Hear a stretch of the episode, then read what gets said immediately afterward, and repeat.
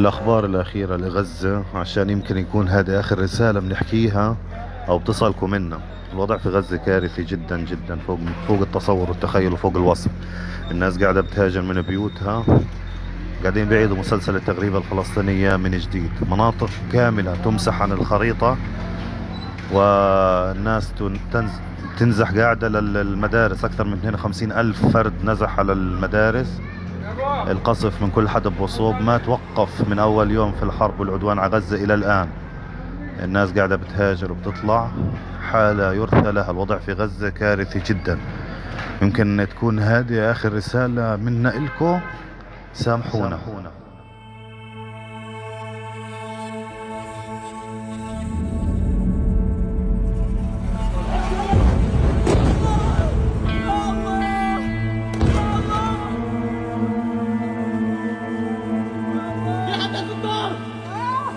حاجة في حد تقدر حاجة والله العظيم تعبت يا جماعة الله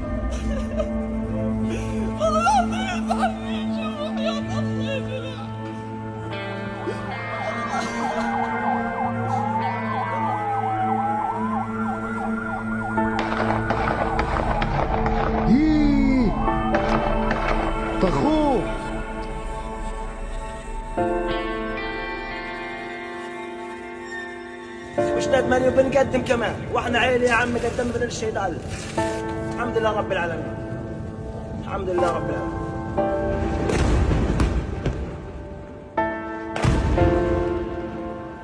أنا ما تسيبنيش يا أم العالم. امانه يا أم امانه يا ما تسيبنيش لحالي يا اجمد يا حبيبي؟ الصيحش لسه اللي جاي اصعب لسه الان وإحنا مستعدين. ليش الصيح؟ بنضحي بأولادنا بحالنا مستعدين. هذا عمر. هذا عمر. بدنا نشيل انه في شهيد كمان نجيبه أنا بحكي على مربع فيه 400 شخص قصف دمر يا شباب.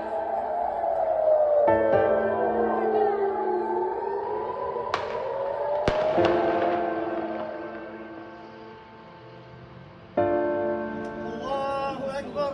الله أكبر. في أرض غزة يواجه أهلها تحديات كبيرة ومعاناة طويلة جراء الاحتلال والصراع الدائم إنهم أبطال يواجهون القصف الصاروخي اليومي والحصار الاقتصادي القائم منذ سنوات. إليكم قصة عن كفاح أهالي غزة. كان يوما عاديا في غزة والأطفال كانوا يلعبون في الشوارع والأسواق مليئه بالناس لكن في اللحظة الأخيرة سمع الناس صوت صفارات الإنذار تحذرهم من صاروخ معاد قادم. سارع الجميع إلى البحث عن مأوى آمن. في منزل صلاح كان هناك عائلة تختبئ في مخبئهم المحصن. لقد أصبح هذا السيناريو شبه يومي حيث يشعرون بالقلق والخوف دائما.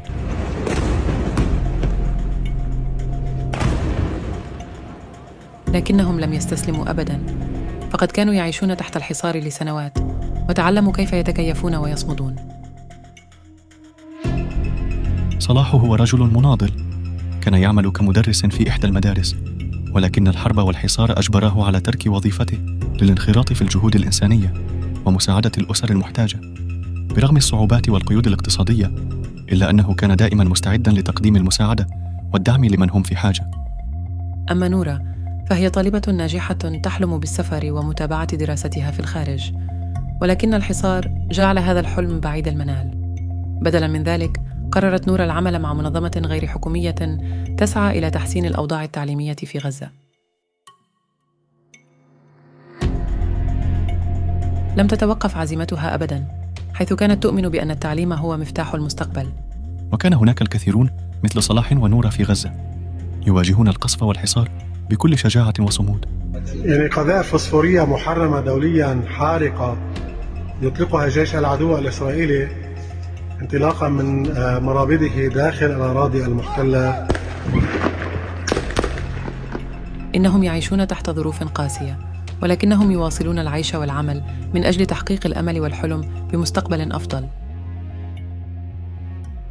القصف الصاروخي اليومي والاحتلال لم يهزموا أهالي غزة بل جعلهم أقوى وأكثر تماسكا.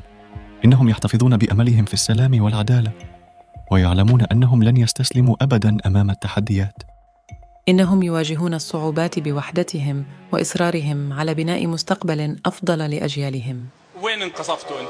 في الزيتون مقابل مسجد صلاح الدين. مين فقدت؟ استشهد أخوي أبو عاصم هو وزوجته واربع أطفال. استشهدت زوجتي وثلاث أبناء وزوجتي حامل. استشهدت أم الغالية أم الحبيب. استشهدت استشهد أبي أبي الحنون. يا ظلام السجن خيم نحن لا نخشى الظلام. يا ظلام السجن خيم نحن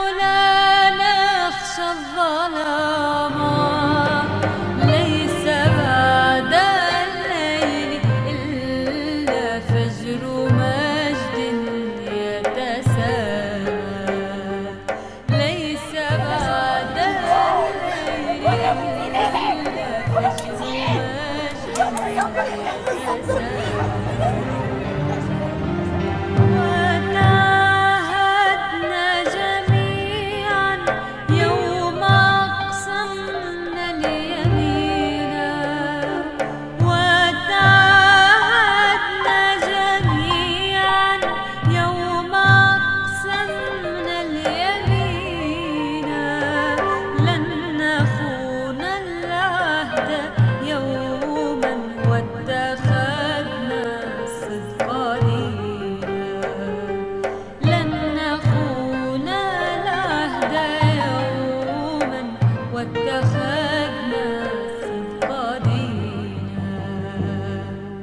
يعني أنا واقف آه، على الشباك تقريبا الصوت مش طبيعي.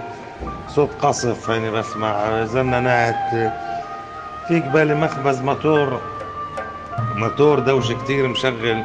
بتصور إذا اليوم قدر يشغل موتور وبكرة ما يقدرش لأنه موتور الشارع اليوم وقف. يعني فيش أي مصدر للطاقة الحين.